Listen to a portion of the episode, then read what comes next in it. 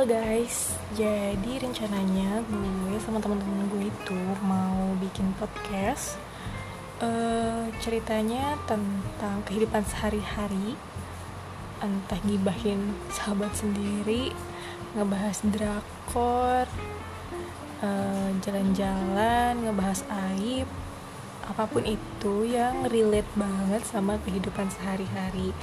So, dengerin podcast kita terus ya.